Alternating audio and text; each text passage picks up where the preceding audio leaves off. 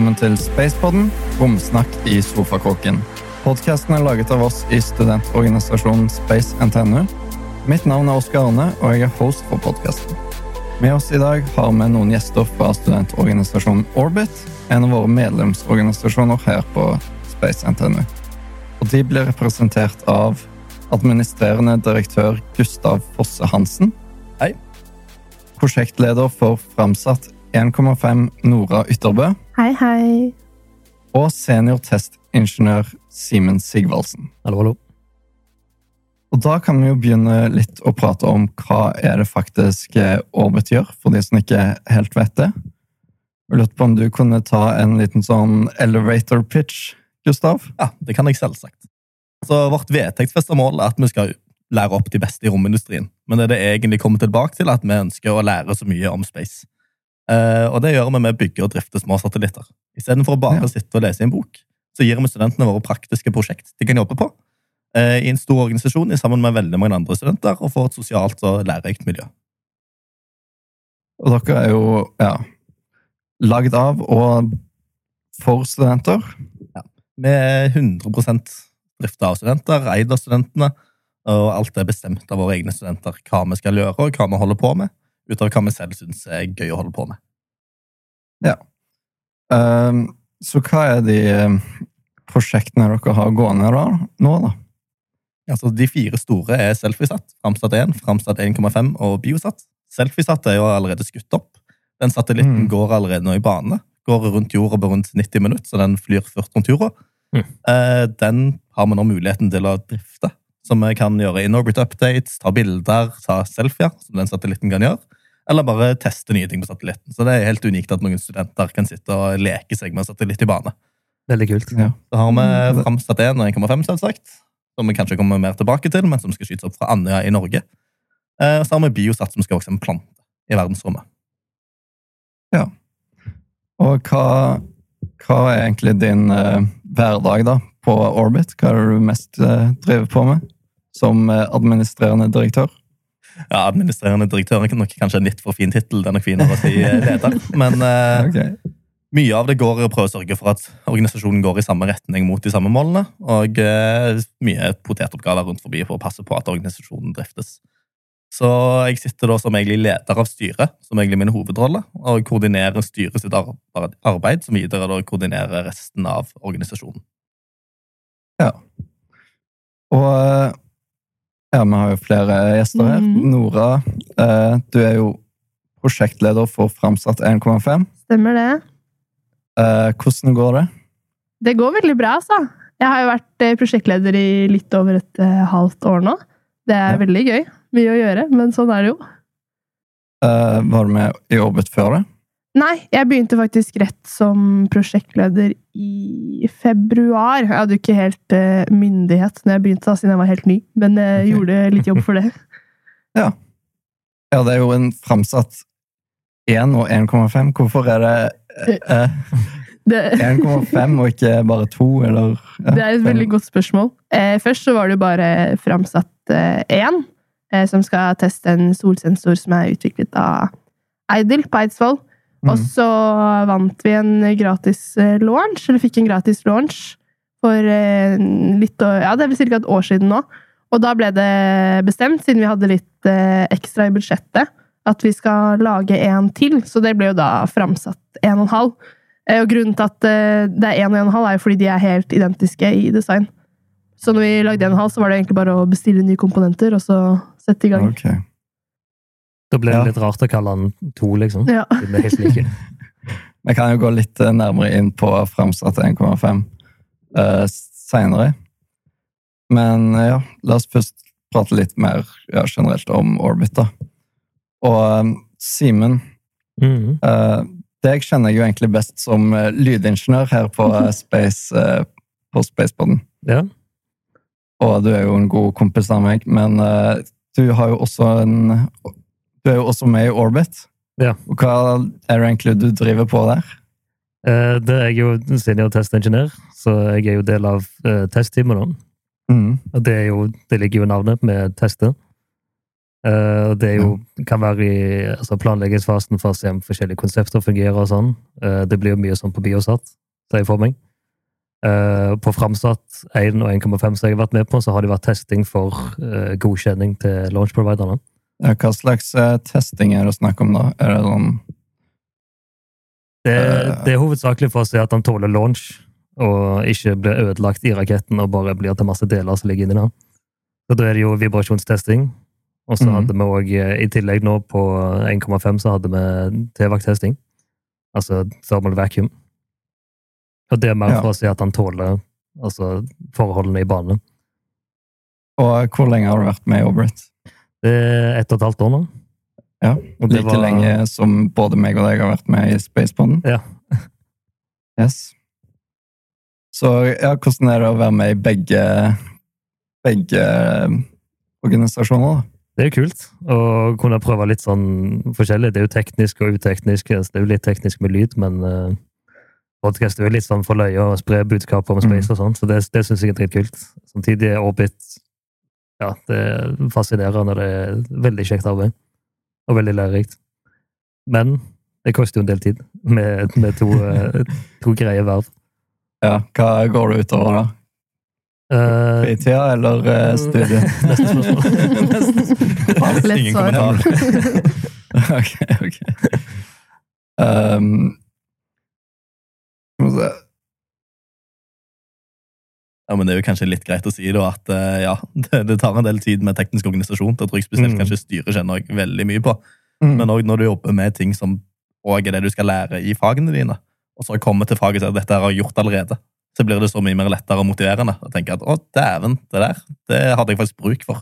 Det er ikke bare noe dumt som står på papiret som eh, Mm. kanskje en får bruk for om 10-15 år, men nå har du faktisk gjort det. Og Ja. det er utrolig motiverende. Så på en måte så blir skolen litt lettere, selv om du får litt mindre tid til enn ofte. Kan du komme på et spesifikt eh, eksempel på det, eller tenker du Jeg studerer jo industriell økonomi og teknologiledelse, INDEC. Mm. Eh, Så nå har jeg sittet og lest i noen av strategibøkene der, spesielt om kanskje innovasjon og motivasjon og de faktorene der, og så sitter og ser på dette her, det var veldig fint å ta med til Orbit. Her har vi kanskje noe å lære.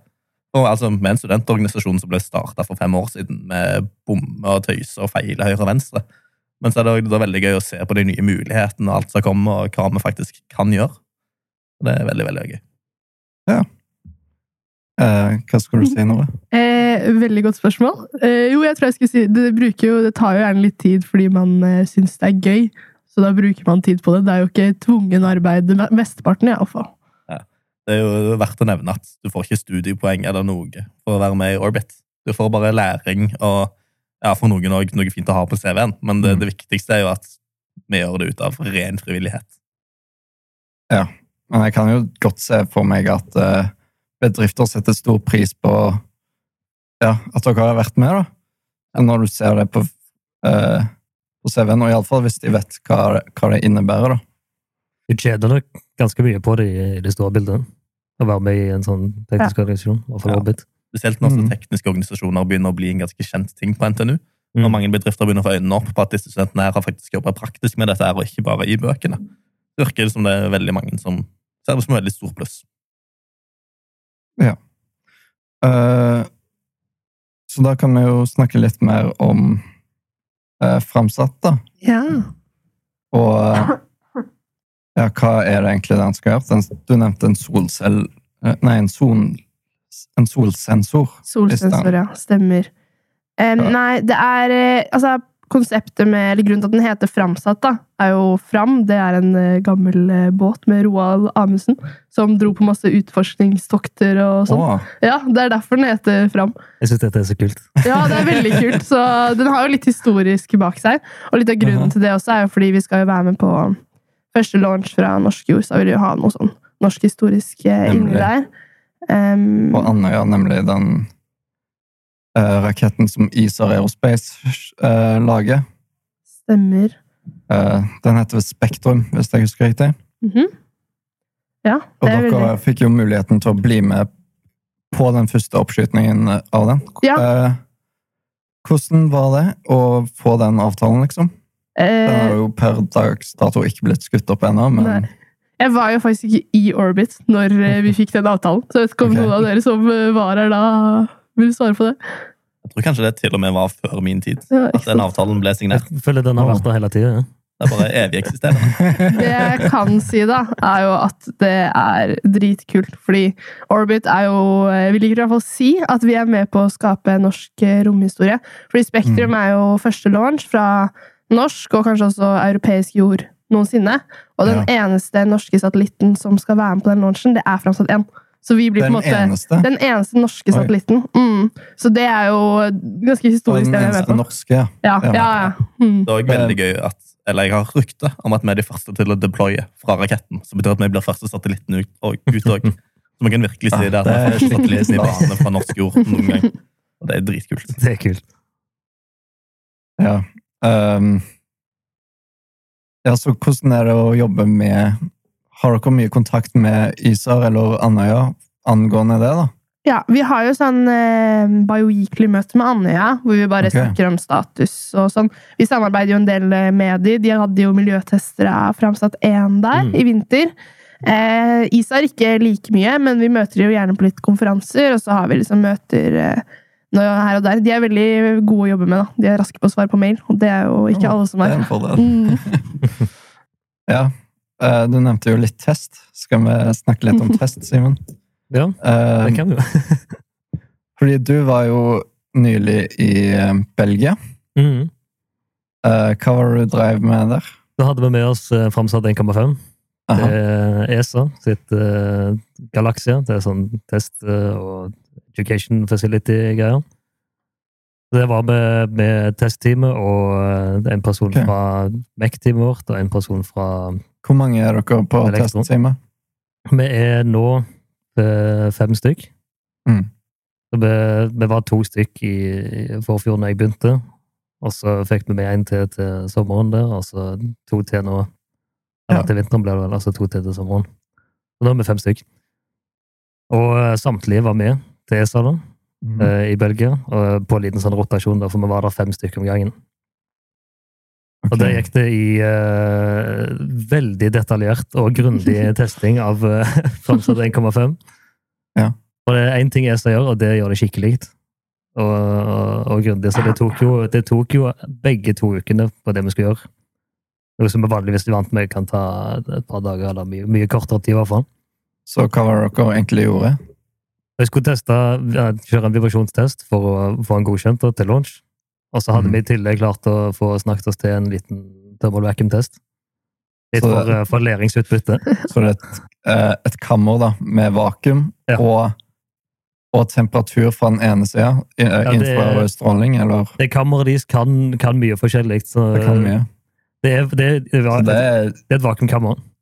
Men du kan få sånn varmestråling fra altså, veggene rundt, sånn at du får sånn altså, realistisk stråling da. mm, Eller så kan du få det fra ei plate som ligger i bånn. så den ligger på. Det var det vi hadde for det går litt fortere.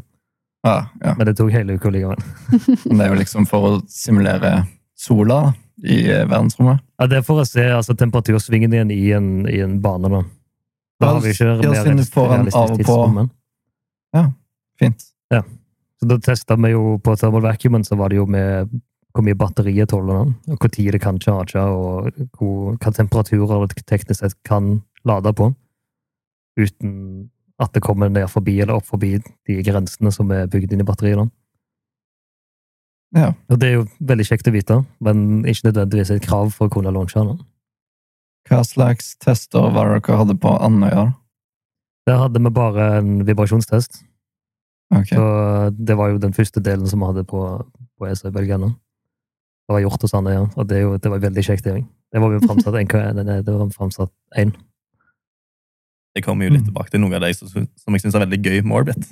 Det er ikke bare studentene som sitter her, men det er at vi får lov til å reise ut og besøke Andøya, besøke Mm. ESA og besøke mange av våre sponsorer og lære av de. Ja. Vi, det er både Andøya, det er ESA, det er Kongsberg, det er KSAT. Det er veldig mange aktører der som bare med en gang du er en veldig gira student som viser at dette her synes det er gøy å lære om, så åpner de bare dørene og bare slipper deg løs. Så får du lært ekstra mye. Jeg synes det er veldig kult i hvert fall. Jeg vet ikke om det er rigged perspektiv jeg har siden jeg er i test, men jeg har vært på to turer allerede nå, bare på halvannet år. Det høres jo dritfett ut. Altså, det er jo ja, det er kult. Å bare få liksom den hands on experiencen og ha faktisk jobba med en satellitt som skal ut i verdensrommet. Åh, det er kult. Mm. Du har jo faktisk tatt på Framsatt 1,5. Det har jo ikke jeg Ja. gjort ennå selv engang. Ok. Uh, ja, men ok. Hva an andre mål Har framsatt noen andre mål enn å teste denne solsensoren? da? ja, eller altså, Eller, eh, primærgrunnen til at vi har framsatt, er jo lære. Så det er jo på en måte derfor vi valgte det missionet, fordi vi tenkte det var læringspotensial i det. Så framsatt er på en sånn samarbeid med industrien-program, som velger på en måte payloader, for eksempel, nå har vi fra Eidel, men det kan være en annen norsk bedrift, eller en utenlandsbedrift for så vidt også. Så det er på en måte, det tekniske den skal gjøre, er å teste den solsensoren. Eh, og så har den eh, noe sånn telemetridata og sånn også, så vi kan lære litt av det, vi òg.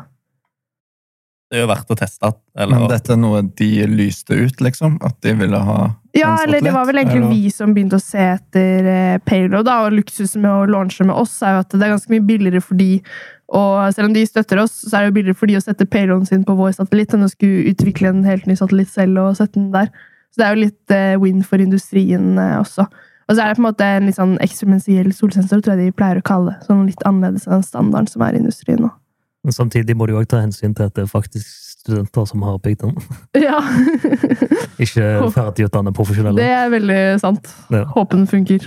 Men så er jo det jo litt av fordelen. At hvis Mm. bedrifter har en teknologi som de gjerne vil at studentene skal få litt kjennskap til, Ja. og gi den til oss som vi kan leke med den på en faktisk satellitt, det er jo eh, Du får ferdigopplærte studenter når de kommer ut, liksom. Så det er Som har erfaring med fra før av. Ja. Mm. Altså, greit nok, Det er jo større risiko å ha med studenter å gjøre, men så er det jo også studenter som ønsker at noe skal komme eller fungerende opp til verdensrommet. Mm. Det er jo folk som legger en veldig stor innsats og lidenskap bak at dette skal funke.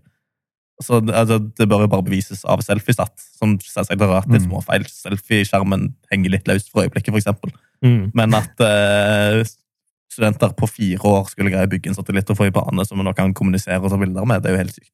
Det var vel en som satt eh, 100 timer på taket, altså kontoret vårt, før delivery av den satellitten når den skulle til USA. Så det er dedikerte mennesker. 100 timer på rad. Ja. På Vi har jo så sofa, så- Det er dedikasjon når det trengs. Ja, veldig. Ja. Det er ikke påtvunget, altså. Det er frivillig. På mest og sånn. Eh, ja, da kan vi jo gå litt over til andre prosjekter, da.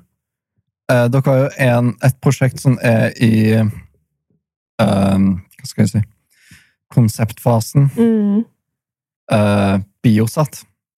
Og den har vi jo hatt litt om på Spacebonden før. I fjor prat, pratet vi en del om det med Freider. Eh, men jeg lurer jo litt på hvordan den ligger an. Fordi Biosat har jo nå faktisk gått forbi det som heter MCR, altså Mission Concept Review. Der vi har gått gjennom konseptene for satellitten, og vi arbeider nå mot PDR, som er det som heter Preliminary Design Review. Og eh, Det er veldig mye forkortelser her, men det, Ja. det Er det mye verdt sånn å nevne hva et review er, kanskje, Ja, Gustav? en, det er et godt poeng, Nora. Det er en gjennomgang av eh, arbeidet der og da eh, for hele organisasjonen, for de forskjellige delene. Eh, og, og gjerne ofte med eksterne aktører i tillegg. Slik at vi kan oppdage feil eller problemer eller lignende, og slik at vi kan lære. Så det er en veldig standard ting å gjøre i romindustrien. eh, Som også er en av grunnene til at vi gjør det selv, men så er det også for læringsmuligheten. Vi oppdager veldig mye problemer når vi går gjennom alt arbeidet sammen. Så finnes det forskjellige stadier av revuer som en satellitt da går gjennom før den kan skytes opp. Og Det vi arbeider mot nå, er da preliminary design review. Der liksom førsteutkast av det meste skal være klart. Og så På slutten av det så kommer vi til å se er dette klart nok til at vi kan gå videre på neste designfase, eller så tar vi og jobber videre på det liksom startdesignet. da. Så nå er det faktisk mye av prototypene som blir produsert. Og noen av de første komponentene som trengs i satellitten, har blitt kjøpt inn nå allerede.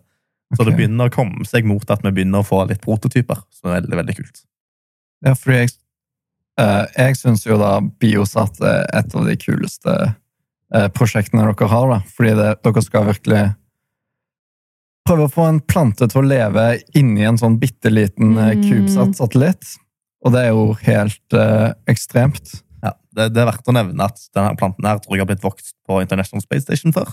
Men da har du selvsagt en svær romlab der du har mennesker som kan gå og passe på den planten her og se at det funker. Og nå skal vi vokse det i en satellitt som er på størrelse med en melkekartong. Litt større enn en melkekartong. Som er helt, helt sykt. Så det kommer til å kreve noen kreative løsninger og mye bra design for at det skal funke. Så det, men det er noe av det som er gøy med Orbit, at vi gjør ikke ting som nødvendigvis er veldig, veldig lett. Vi gjør ting som er gøy, og som vi lærer mye av. Så det kommer definitivt til å bli en utfordring. Så dere har landa på en spesifikk plante, da?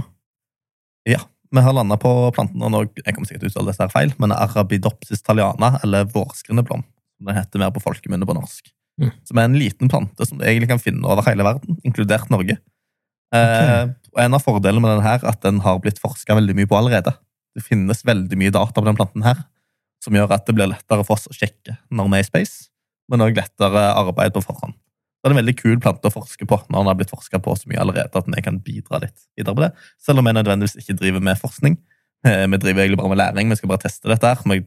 Det kan være noen skriver masteroppgaver om satellitten, men at vi i hvert fall får lov til å leke oss litt med den og prøve å vokse i den verdensrommet. Mm. Er Forskning er jo læring.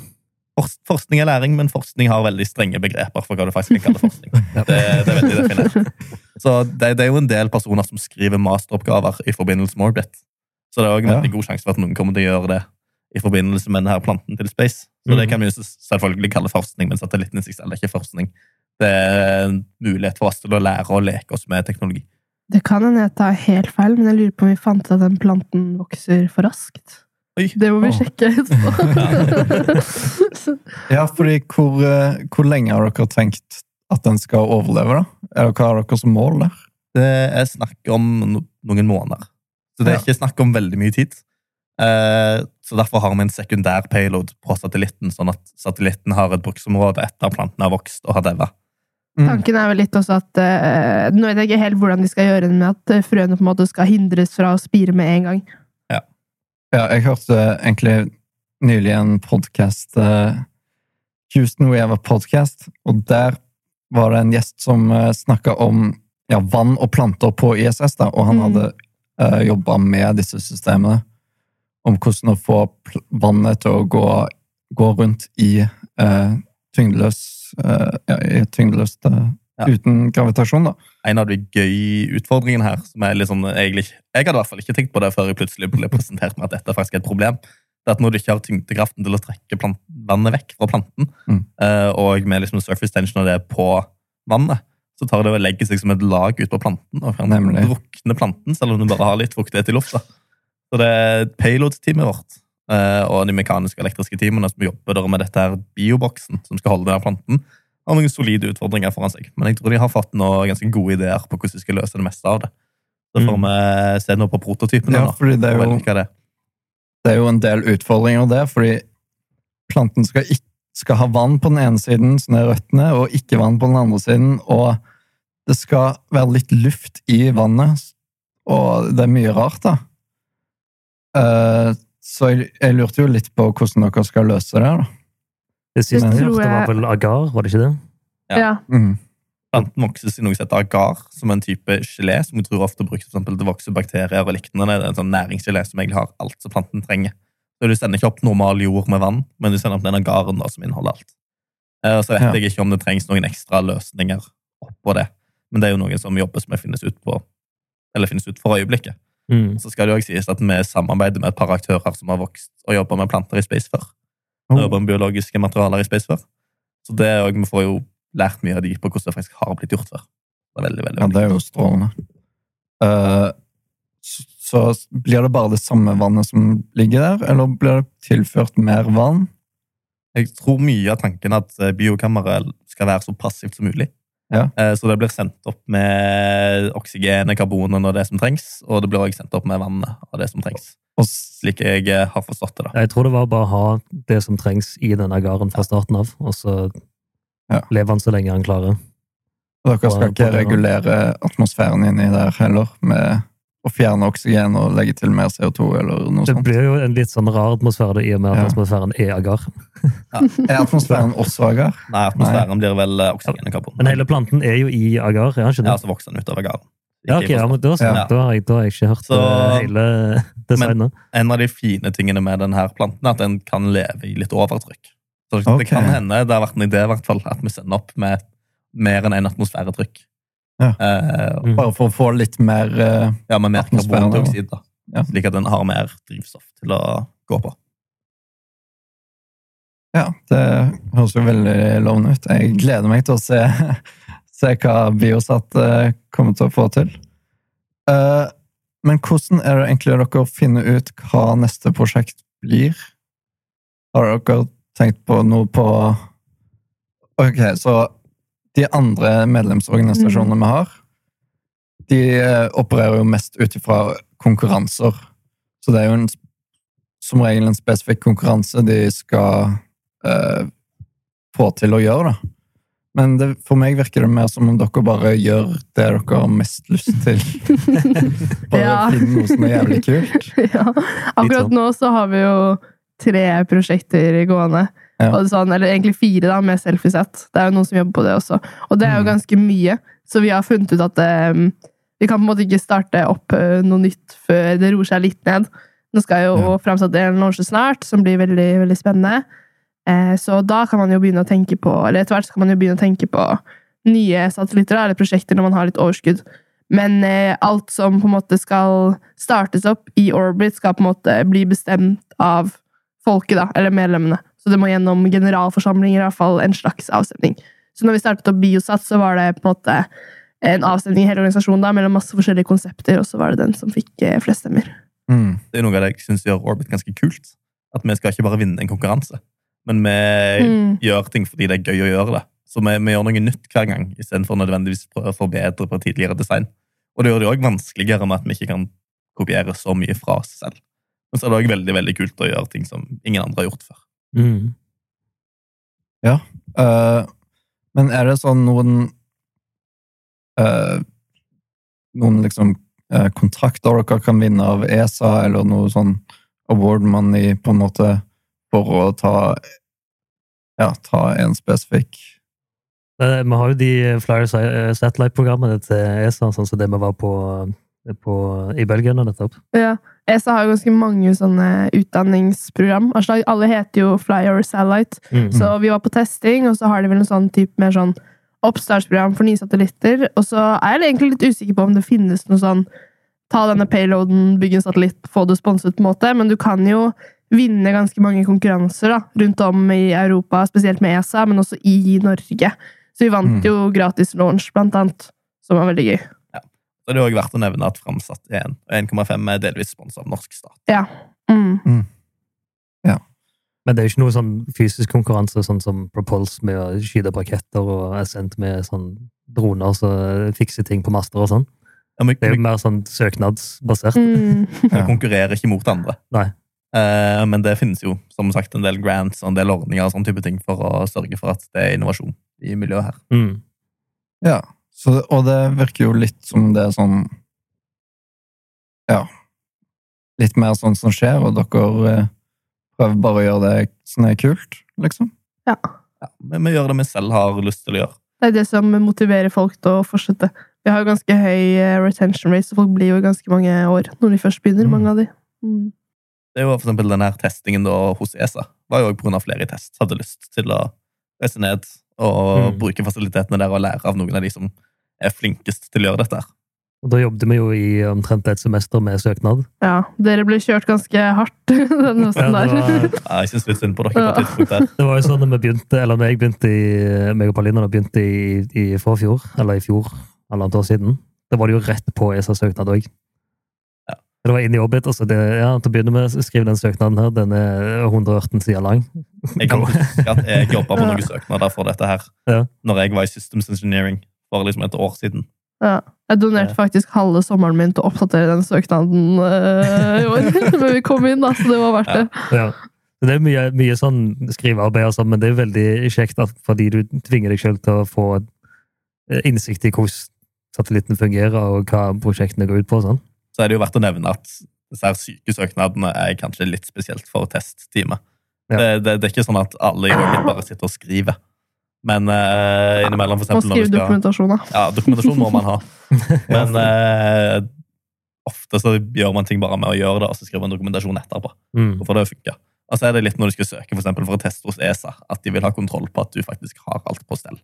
At du vet hva du skal gjøre, og du har god kontroll på satellitten.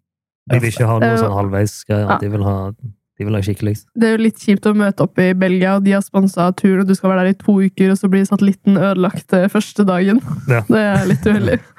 Eller at han ikke er ferdig, eller Ja. noe sånt. Liksom. Det er jo krise. Og hva slags uh, arbeidsoppgaver er det, er det dere egentlig har i Orbit?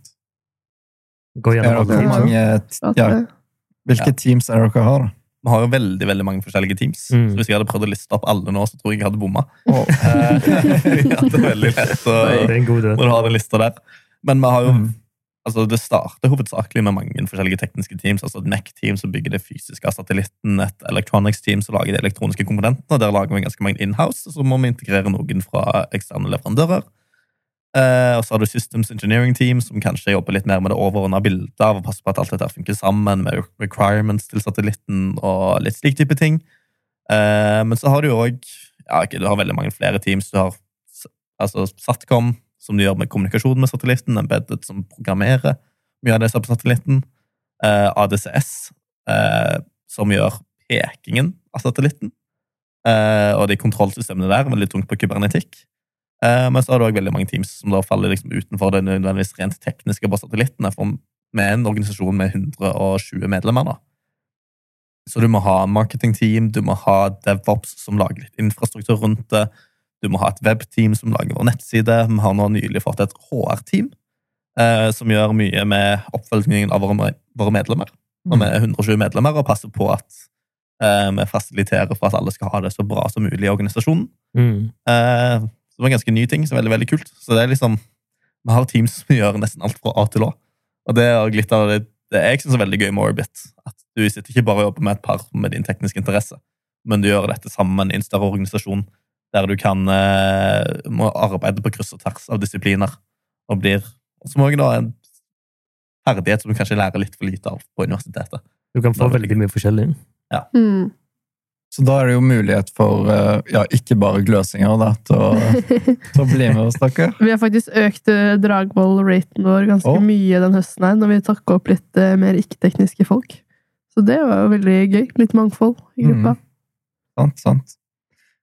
Uh, ja, så hva Hvis det var en student da som hørte på dette her, uh, som går på NTNU, det er vel et av kravene deres?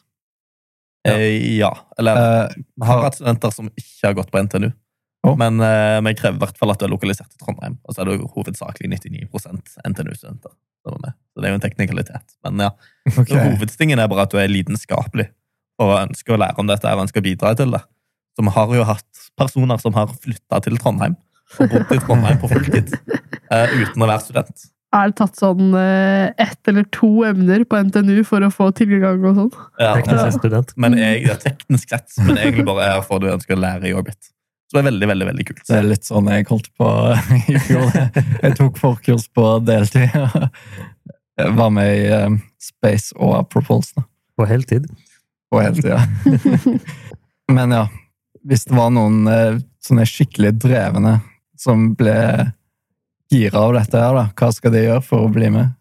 Vi har opptak hvert semester. Så vi kommer til å ha et nytt opptak nå helt på starten av neste vår. Eh, Så stillingene kommer til å være på nettsiden vår, og sannsynligvis også til å Mm. annonseres på Instagram og LinkedIn og Facebook, så det er bare å følge oss der. Eh, Og så vil det komme da ut. Så vi tror ikke kommer til å ta opp litt over hele fjøla på neste vår, men kanskje mer spesifikt på de ikke-tekniske stillingene. Så jeg kommer til å se til mye folk i for marketingteamet, hvis du ønsker å liksom vise til verden hvor kult det er det vi holder på med. Så det har vært flott. Uh, I eventteamet, som lager liksom de festene moro, men òg events mot eksterne bedrifter, som vi nå samarbeider med ganske mange. Uh, og HR-teamet, blant annet, og en par andre teams. Det er veldig, veldig kult. Så det er bare å følge nøye med. Og så er det å ha den lidenskapen for å ønske å lære å drive med dette, her, så kommer en ganske langt. For det er ingen som kan bygge en satellitt eller gjøre noe av dette når de begynner i Trondheim. Så det viktigste er bare at du faktisk ønsker å lære om dette. her.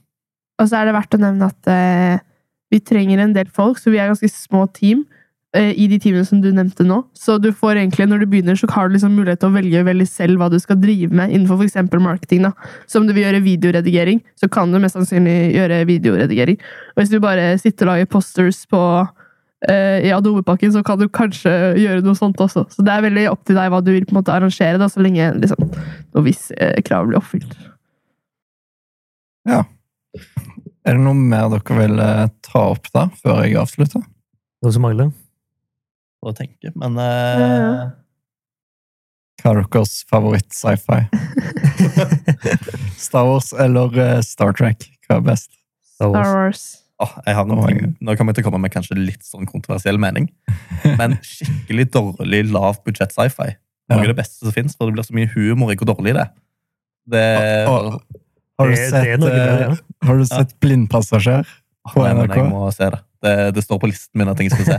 Ja. Det er bare å finne fritiden til det, da. Jeg så det for litt siden. Det er sånn norskprodusert Ja. Helt ekstremt dårlige effekter fra 70-tallet, men så du begynner med å Og de snakker så kleint. Men du begynner med å sånn, se på det bare for å le av det, og så ble jeg bare sånn helt tatt opp av eh, handlingen. Så jeg bare Oh my gosh, hva skal skje nå? Nei, veldig bra. Right. Uh, men da tror jeg jeg avslutter der. Tusen takk til Gustav, Nora og Simen for at dere kom hit i dag. Hvis du, kjære lytter, vil høre mer om Orbit, så sjekk ut orbitntnu.com, eller søk orbitntnu på Instagram. Vil du høre mer av podkasten, så sjekk oss ut på din prefererte podkastplattform. Vil du vite mer om Space NTNU, så sjekk oss ut på Instagram eller vår nettside spacentnu.no. Det var det vi hadde for denne gangen. Takk for oss. Ha en god dag videre.